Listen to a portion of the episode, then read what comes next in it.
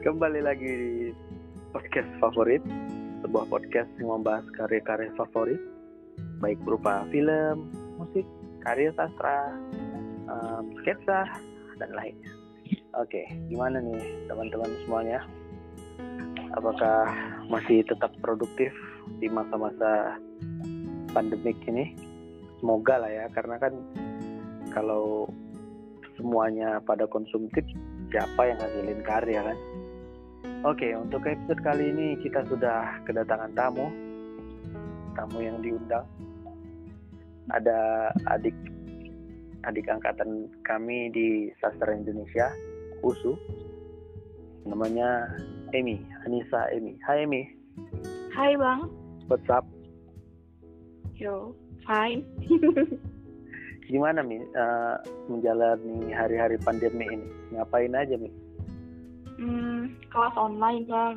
Terus itu lagi ngerjain novel juga. Oke. Okay. Terus baca-baca novel atau cerita-cerita klasik. Mm-hmm. Oh, nulis juga Mi ya? Iya, nulis juga Pak. Alhamdulillah. Artinya kan uh, kita masih tetap bisa produktif walaupun di rumah aja kan Mi? Betul betul. nulis apa nih kira-kira? Novel uh, apa? Novel tentang perbedaan jarak, agama gitu lah bang. Ini tentang LDR, tapi LDR uh, agama juga gitu. Oh my god, gimana? Uh, LDR agama dia jauh, jauhnya iya. sejauh iman gitu. Iya bang, uh, kayak mana ya? Kalau misalnya LDR untuk jarak itu mungkin bisa ditempuh kan bang tapi kalau iman ini kan nggak ada yang tahu bisa ditempuh atau enggaknya gitu. Untuk memutuskan jarak itu gimana gitu. Nggak ada yang tahu gitu. Aku tahu caranya nih. Apa bang? Memutuskan kekeluargaan. Iya. Benar benar benar benar jadi itu uh, pribadi nih kisah pribadi nih. Iya kisah pribadi bang. Yang sekarang berjalan ini kau sama pacarmu LDR ya. agama? Iya, LDR agama. Oh my god, kau Islam dia? Dia ateis. What? Dia ateis? Seriously? Yeah. Yes, I'm seriously. Oh. oh my god. Oke, okay, nanti kita bahas di sesi ateis muslim ya. Okay. kita bahas karya favorit dulu. Oke, okay, uh, Emi. Sampai ya. saat ini karya sastra apa yang menjadi favorit nih? Novel dulu deh. Uh, novel, kalau ditanya novel dari dulu, uh, Jane Austen, Pride and Prejudice. Jane Austen, Pride and Pre and Pride and Prejudice. Prejudice. Oke. Okay. Kenapa ini, Mi? Uh, bentar, ini terjemahan kah atau novel asing, uh, novel bahasa asing atau gimana? Novel bahasa asing, Mbak pakai bahasa Inggris ya? Iya, bahasa Inggris. Wow. Jadi Emi baca pakai bahasa Inggris ya? Iya, pakai bahasa Inggris, Pak. Bukan terjemahan? Bukan. Waduh, respect sekali nih. Bahasa Inggris bahasa Inggris Emi kayaknya sebelas nih ya. Wah, alhamdulillah. Jadi kenapa Mi? Kenapa bisa suka itu? Kan masih banyak karya-karya sastra Indonesia atau sastra luar yang lain gitu. Kenapa Kenapa uh, karya Jan Jin Austen ini? Uh, jadi pertama tertarik uh, awalnya iseng cari di internet kan bang novel-novel uh, dengan bahasa yang bagus gitu. Rupanya dapat Jane Austen. Nah terus ngecek-ngecek karyanya Jane Austen rupanya dapat Pride and Prejudice ini dan ngikutin dari awal mulai sinopsisnya dulu udah mulai jatuh cinta wah ini novelnya keren ini bahasanya juga gitu jadi mulai baca gitu jadi mulai tertarik dari bahasanya dulu ya? Ya, dari bahasanya dulu. Oke, coba kasih satu kalimat aja nih. Satu kalimat yang buat Emi masih lekat gitu di benak. Yang paling lekat itu ketika si Mr. Darcy-nya ini uh, bilang ke Elizabeth, uh, You must allow me to tell you how ardently I admire and love you gitu, Pak. Wow. Itu kayak pernyataan cinta yang begitu dalam gitu. Kayak kayaknya emang di set untuk jadi quote nih ya. Iya, betul. Oke, jadi um, ini cerita tentang apa nih? Premisnya aja deh. Jadi ceritanya uh, ini zaman klasiknya Inggris kan bang. Jadi ada sebuah keluarga, nama keluarganya ini keluarga Bennett. Jadi mereka punya lima orang anak. Nah uh -huh. lima orang anak ini si Mrs. Uh, atau ibunya di keluarga itu Mrs. Bennett uh, mau menjodohkan kelima anaknya ini ke bangsawan Inggris gitu bang. Oke. Okay. Nah, singkat cerita jadi ada bangsawan Inggris namanya Mr. Bingley uh, dia itu mengadakan pesta mal, uh, makan malam terus keluarga yeah. Bennett datang semua dan mereka berkenalan gitu bang abis hmm. itu jadi uh, mamanya ini berharap banget si Mr. Bingley ini bakalan jatuh cinta sama kelima salah satu dari lima anaknya perempuan itu kan bang okay. nah uh, si semuanya memperkenalkan diri rupanya si Mr. Bingley ini tertarik sama kakaknya si uh, Elizabeth gitu. Terus dan si Mr. Bingley ini memperkenalkan sepupunya, sepupunya ini Mr. Darcy. Nah, okay. ya yang bakalan jadi tokoh utama di cerita ini gitu, Bang. Okay. Terus Mr. Darcy ini orangnya pembawaannya tuh serius gitu bang, serius dan agak arogan gitu, angkuh gitu kan. Hmm. Jadi si Elizabeth ini yang awalnya itu lihat wajahnya yang ganteng, awalnya suka karena pas sudah kenalan kok angkuh banget ini orang gitu kan yeah. jadi ah nggak suka lah aku gitu udah mandang buruk gitulah sama si Mr. Darcy gitu terus singkat hmm. cerita banyak konflik di keluarganya Mr. Uh, si Bennett ini Bennett. keluarga Bennett nah terus uh, mulai dari permasalahan adiknya si Elizabeth yang dibawa kabur sama pacarnya tentara Inggris terus itu uh, permasalahan cinta kakaknya si Elizabeth, si Jane sama Mr. Bingley yang sama-sama ragu untuk menyatakan cinta. Nah, semua permasalahan itu diam-diam diselesaikan sama Mr. Darcy tanpa bilang-bilang gitu loh bang pokoknya. Terus itu si oh. Elizabeth ini bertahan sama pandangannya kalau si Mr. Darcy ini orangnya angkuh, nggak baik gitu kan bang. Nah, singkat cerita, si Elizabeth lama kelamaan tahu kalau misalnya si Darcy ini orangnya baik gitu, dan dia jatuh cinta, gitulah mm -hmm. intinya bang. Oh jadi Dari per, itu. Um, tokoh tokoh utamanya di sini Mr. Darcy sama Elizabeth ya.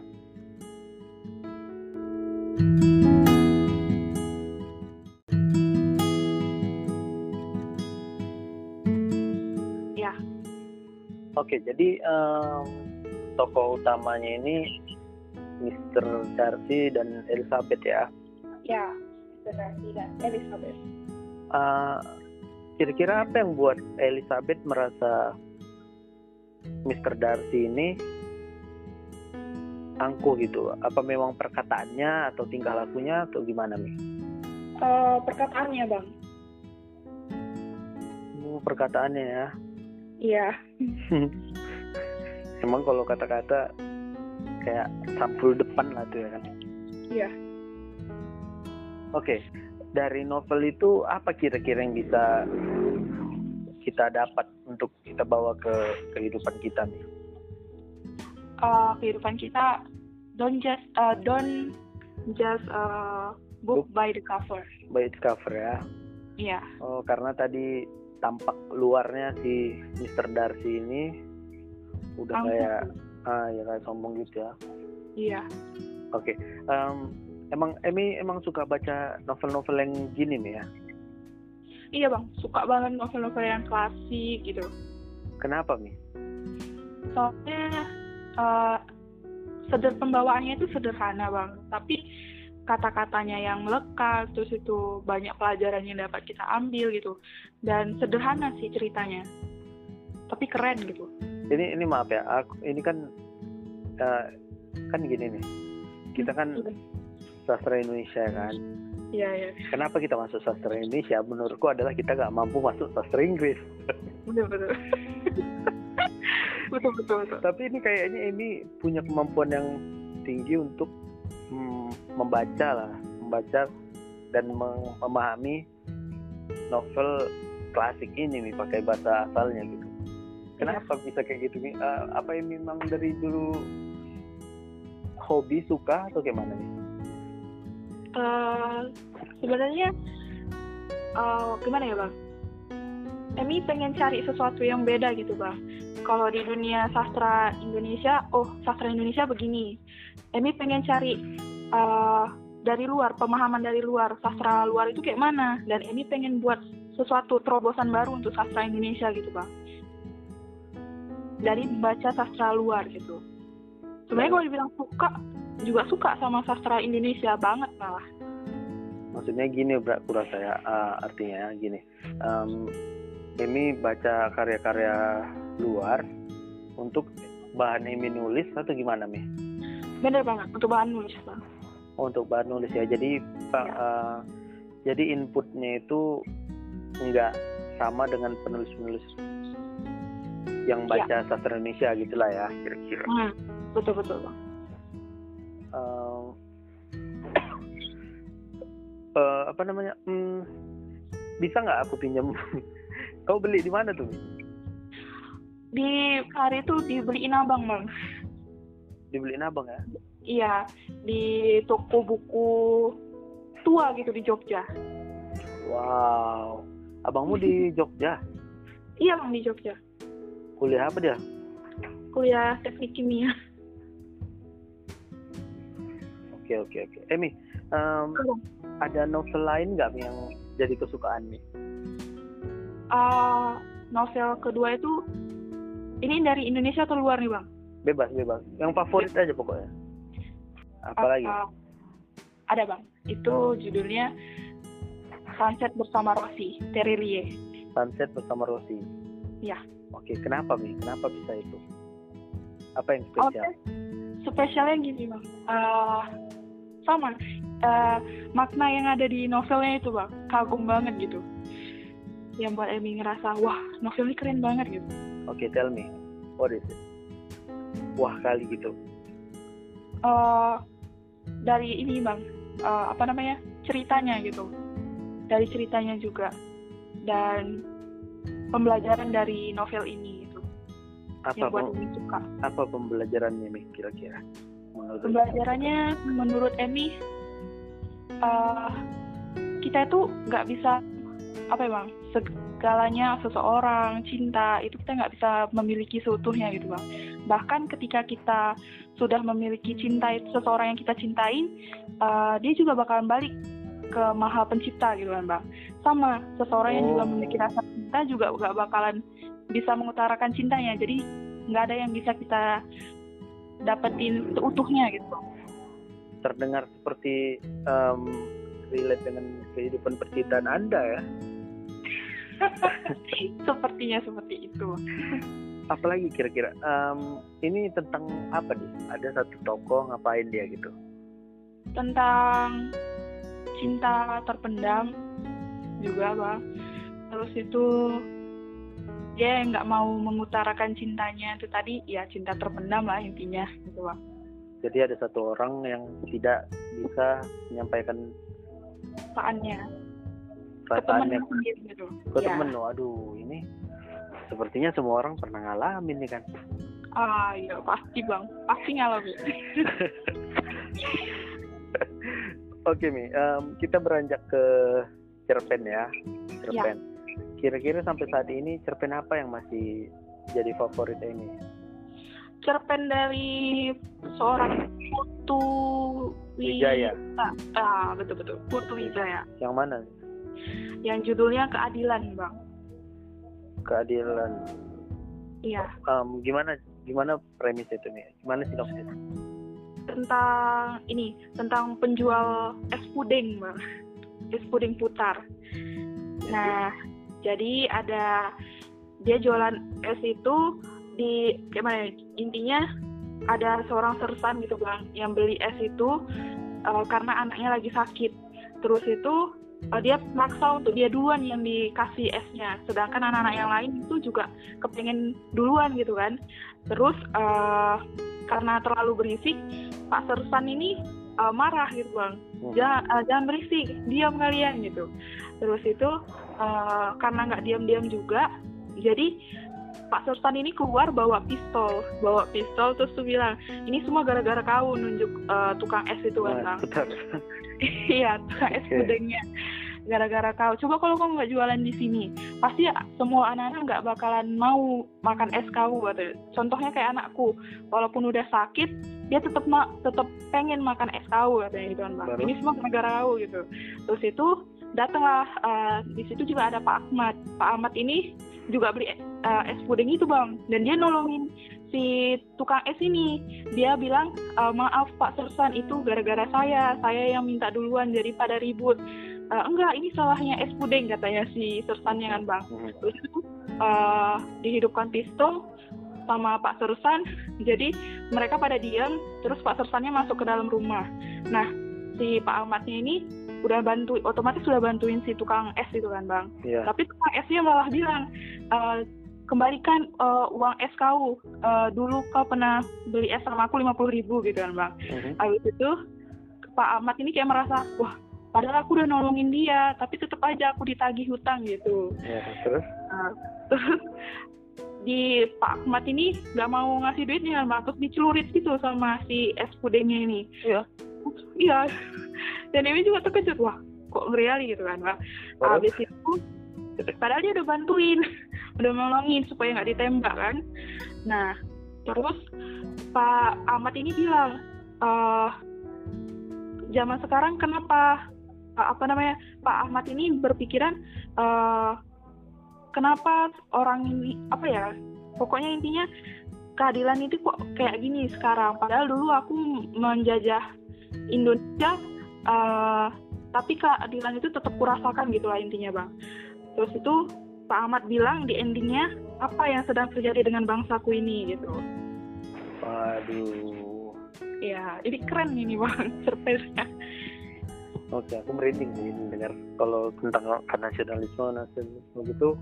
Iya. Senang emang kan Putu Wijaya kan emang larinya lari ke arah sana semua. Cerita-cerita perjuangan iya. Cerpen apa lagi Mi yang buat Amy sampai sekarang masih Eh, suka. untuk sekarang itu bang paling oh ya Eh, cerpen Emi sendiri ya oke artis ya. Iya cerpen oke. pribadi gitu. Kayak mana kayak mana ceritanya? Judul judulnya itu uh, Caprice number 24 oh. Nah ya itu ada Aku di Bintar dengar. Bapan oke iya betul itu cerpen. Kenapa Ya, Amy merasa em, itu jadi favorit Amy? Karena idenya itu ngalir cuma satu hari bang. Dan itu cerpen Emi selesai satu hari. Itu kayak spesial banget gitu. Spesial banget ya. Ada Iya. ada apa di balik cerpen itu Mi? cerpen ini kayak ya, cinta terpendam juga bang. Abis itu cinta bisu gak bisa di sama-sama nggak bisa mengungkapkan cinta dan akhirnya si cowoknya ini nikah sama orang lain padahal dia nggak cinta gitu bang coba ceritain dikit Mi sinopsis no eh, cerpenmu ini aku udah agak-agak lupa sih Ah, oke. Jadi di Alanza ada seorang gadis namanya Alanza Beril ya bang. Mhm. Alanza Beril ini seorang eh, violis kok. Iya violis violis. Vionalis apa violis sih violis? Viola ya Iya viola, pemain biola. Nah Mhm. terus eh, dia ini pengen ikut perlombaan di festival seni di desanya gitu kan bang Mhm. di akhir Desember. Terus itu dan dia punya permasalahan di keluarganya juga. Itu tentang adiknya yang harus membayar sekolah. Jadi orang tuanya memaksa, nggak memaksa, meminta si Alanza untuk menjual biolanya gitu bang. Nah, oke jadi si Alanza ini berat hati ya bang karena biola itu kesayangan dia dia dia uh, ketemu seorang cowok di saat dia latihan latihan biola dia ketemu seorang cowok Mhm. itu namanya Ethan. Ethan Johnson Arthur ya Ethan Eta. Nah, mm-mm. jadi si Ethan ini juga mau ikut di festival seni nanti bang lomba tapi di bagian gitar oke Nah, udah gitu mereka deket, deket, deket, eh, ikut berlatih setiap hari sampai si Alanza ini bisa memainkan sebuah lagu yang cukup, sebuah instrumen yang cukup sulit bang. Itu punyanya Caprice number 2, number 24. Oh. karyanya Niccolo Paganini. Nah, terus balik ke permasalahan karena harus dijual biolanya, si Ethan ini bilang, udah kasih aja biolanya sama aku nanti aku jual katanya bang. Dan keesokan harinya si Ethan uh, bilang mm, ngasih biolanya si Alanza balik Alanza. lagi. Mhm. Nah, terus itu si Alanza bertanya, kenapa? Loh, kok biola aku balik lagi gitu kan bang? Hmm. Iya, aku pikir uh, gitar udah nggak cocok lagi sama aku, udah terlalu tua. Jadi aku jual gitarku untuk nebus biolamu gitu bang. Waduh. Dan tumbuhlah cinta-cinta itu. Terus singkat cerita si ternyata si uh, Ethan ini dijodohkan sama salah satu uh, perempuan gitu bang. Uh, kayak salah satu perempuan di apa ya anak bosnya bapaknya gitu. Anak bos bapaknya. Ya, dan si Ethan ini karena terpaksa tetap harus nikahin si perempuan itu itu. dan si Alanza memainkan instrumen terakhirnya di pernikahan si Ethan. Oh my god. Oh come Gitu. on. Cukup menyakitkan sih. Emang sakit itu. Menyakitkan. Sebenarnya berkorban berkorban berkorban gitu udah banyak diceritakan, tapi kayaknya em, pertukaran gitar dengan biola itu cukup. Halo. Ya, halo, Mas. pertukaran biola dengan gitar itu cukup cukup bagus sebagai Iya. Memang. oke nanti aku baca lagi tuh nih ya Em, juga tadi apa namanya Em, cerpen Putu Wijaya tadi yang keadilan kayaknya Ya. aku perlu baca itu oke em, kita move on ke puisi favorit nih Emi em, ada nggak puisi favorit nih kita tadi kan udah bahas novel ada udah bahas cerpen favorit Emi Em, puisi ada nggak Ada, Bang. puisi apa tuh Uh, puisinya judulnya On His Blindness, karyanya John Milton. on his blindness. Oke, luar semua Mi ya. Sepertinya selera Anda perlu saya ikuti. iya, Bang. Oke, eh, bisa baca dikit nih? Atau semua deh, kalau bisa. Oke. Apa yang baca? When uh, mulai nih, Bang. Wait, wait, wait. Sama artinya kalau bisa nanti ya. Oke. Pendengar kita biasalah. Oke, So, when I consider how my life is spent, yeah, half my days in the this dark world and white, and that one talent which is a dead to hide, launches with me useless, took my soul more than to serve there with a ma- my maker, and present my true account, like a he returning child, that is a day labor, like the night. I only ask, but patience to prevent that murmur soon replace. God does not need either man's work or his own gift. Who best? Bear his mediocre. They serve him best. His state is a kingly, chosen at his bathing seat, and upon oil, land, and ocean without rest. They also serve who only stand and wait.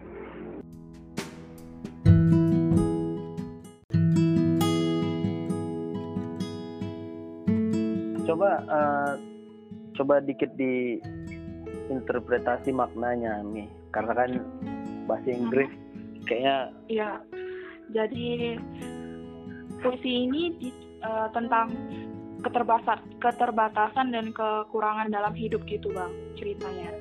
Terus Oke. itu cer- eh, puisi ini diciptakan si Milton dalam keadaan dianya lagi buta gitu bang. wow. Oh, Oke Ya. oke lanjut. Terus eh, dia merasa kalau dirinya itu telah gagal gitu bang. Jadi eh, jadi ciptaan seorang pencipta itu Allah gitu bang. Habis itu si Milton ini terus bertanya, eh, bertanya dalam dirinya apa ya? Kalau sebenarnya kesengsaraan itu eh, tidak terlalu buruk gitu bang Oke. bahwa kehidupan telah membebani si Milton dengan perasaan kalau semuanya bakalan berakhir nantinya gitu bang. Hmm. Hmm, gitu. Jadi puisi ini cara untuk Rela lah ya. uh, uh, rela untuk menghilangkan kesedihan atau kekurangan dalam hidup lah itu bang intinya. Wow, dalam kali. Aku pikir larinya akan ke cinta nih, puisi favoritmu. Ya bang? Aku pikir eh, larinya akan ke cinta puisi favoritmu. Enggak bang. Ternyata ke hidup ya. Ke ini ke tentang makna hidup bang. Kalau puisi. Em, ada nggak puisi puisi lain? Indonesia juga boleh. Tahu? Kalau puisi lain itu Emi suka dari puisi klasiknya Jepang sama Cina bang. Oke. Ya, Eh, kalau dari Jepang sendiri Emi suka eh, puisinya dari Maeda Yugure. Medai Gure. Ya, itu Fuyu ga Kita tentang winter, tentang musim dingin gitu bang. tentang winter. Oke. Iya.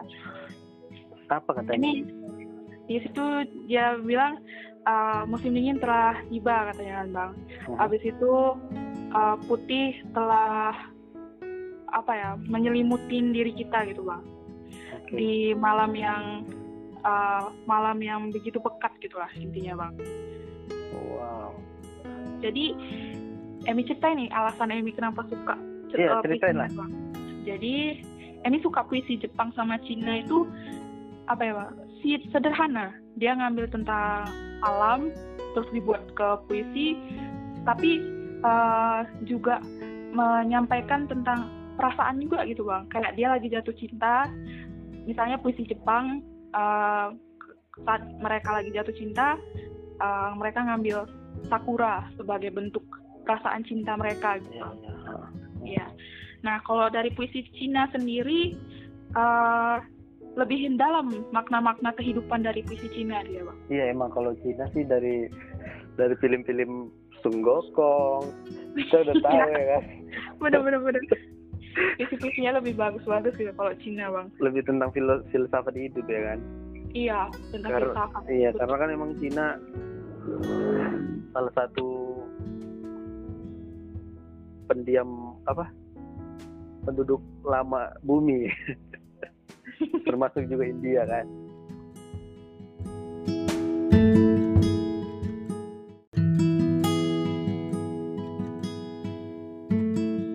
Em, ini agak unik nih ngobrol sama kau ini. Karena karya-karya favoritmu kayaknya jarang orang suka ya. Mia Iya, Bang. kau suka puisi puisi Cina Jepang cuman oke kayaknya bisa lah itu diikutin apa yang kau suka itu nih apalagi ini kan ada perbedaan jelas perbedaan antara novel pakai bahasa asli dengan terjemahan kan? Iya. aku nggak bilang terjemahannya terjemahannya gagal tapi pasti banyak banyak jelas perbedaan. Maka aku sebenarnya dari dulu emang masuk sastra Inggris aku nih Iya kan, Bang. aku dulu dulu emang mau sastra Inggris tapi aduh nggak tahu lah aku tertarik bahasa Inggris nih suka kali aku bahasa Inggris Iya, Bang. Keren. Emi Emi kok bisa jago gitu bahasa Inggris ini sebenarnya memalukan untuk ditanya mengingat ini didengar oleh orang yang lebih luas yang lebih pinter ya kan tapi nggak apa-apa lah untuk pendengar-pendengar kita yang sastra Indonesia banget bisa lah Emi jelasin. Kenapa kenapa bisa fasih gitu nih maksudnya paling nggak dalam membaca cer dalam membaca novel tidak terjemahan itu bisa lah memaknainya gitu. Iya. apa Jadi- emang dari dulu? Eh, dari dulu bang. Jadi abang abang Emi tuh ngajarin Emi dari awal untuk suka ke sastra klasik gitu bang. Jadi bahasa Inggris gitu. Jadi harus jadi dikasih buku-buku tentang bahasa Inggris gitu bang dari situlah mulai suka eh, sastra-sastra yang berbau Inggris itu bang Itu kapan nih? SMA kah atau kuliah nih? Atau kuliah? SMP kelas 3. SMP kelas 3 dia udah kasih itu nih ya. Iya, Bang. Dia dia memang hobi baca kali nih ya. Iya, Abang hobi baca, Bang. Wow. Oke oke keren. Keren keren keluarga ya. Oke, teman-teman. Hmm, tadi ada karya-karya favorit Emi yang siap yang bisa kalian baca untuk nemenin kalian PSBB di rumah. Tadi ada karya dari Jane Austen, Pride and? Kayak jadi, Bang. Tragedy, Ya, jadi. Pride and Tragedy. Hmm. Lalu ada tadi cerpen dari Putu Wijaya, Keadilan. Mm-mm. Ada juga tadi cerpen punya Emi sendiri, bisa dibaca di Lingkar Basah. Apa tadi Hmm. judulnya Emi? Caprice number 24. Cap? Caprice. Caprice number 24. Nah itulah aku gak terlalu denger. Apa sih ini judulnya? Ah, Caprice, Bang. Checklist. Judul ya Caprice. Checklist. Tulisannya mm, Caprice. Checklist. Caprice. Caprice, Caprice. Caprice. Oh, kayak mana sih? Lupa. Caprice. Caprice number 24. Checklist number 24. Ya. Oke, ada puisinya tadi puisi dari John John Miller. Milton. John Milton. Hmm. Judulnya On His Blindness. On His Blindness. Ada juga tadi puisi dari Jepang. Uh, Jepang. Jud, uh, dari Maeda Yugure. Maeda Yugure. Oke. Ya. Ini jelas-jelas hostnya terlihat em, goblok nih. Kenapa kenapa bintang tamunya Emi ya? Oke Mi, em, senang bisa mengundang Emi di podcast Lingkar Bahasa. Kita akan kita akan eh, bikin konten lagi Mi ya. Ada lagi kan satu lagi Wah, baik bang. rencana kita tuh. Iya. Oke, semoga judul-judul tadi bisa menemani PSBB kalian di rumah Amin. dan Emi, eh, kami tunggu novelnya Mi ya. Oke, siap Bo- bang. bolehlah aku jadi pembaca pertama Mi. Oh, Ya, boleh banget. boleh, boleh, boleh. supaya kami doain lancar penulisannya, bisa pen- apa bisa disiplin, bisa konsisten dan Amin. Amin, amin. sesuai apa yang diharapkan ya Mi ya. Iya, terima kasih banyak. Oke, tuangin aja di situ Mi. Tentang beda agama ini banyak kali Mi. Iya, bang. Itu kayaknya hampir semua orang ngalamin gitu. Iya. Dan dari cinta beda agama ini kita harus merelakan. Iya, benar. Tapi kan kalian kayaknya beda keyakinan ya. iya, bang. Jatuhnya bukan beda agama ya kan. Beda keyakinan. Dia emang literally ateis atau Eh, Shinto ya, bang, kalau agama Jepang. Japanese? Iya, Jepang. Oh, Agama Jepang. dia emang aduh. Kenapa aku jadi Oke, kita tutup dulu podcast ini. Mungkin kita bisa ngobrol nanti setelah ini. Oke. Oke, semoga em, judul-judul yang disebutin tadi bisa jadi inspirasi kalian untuk membaca. Semoga bisa menemani kalian dan kami punya urusan yang belum selesai ini tentang agama si pacar si Emi ini. Kayaknya udah jadi mantan sih. Oke, Iya. em, semoga hari kalian eh, baik-baik teman-teman semuanya dan bye.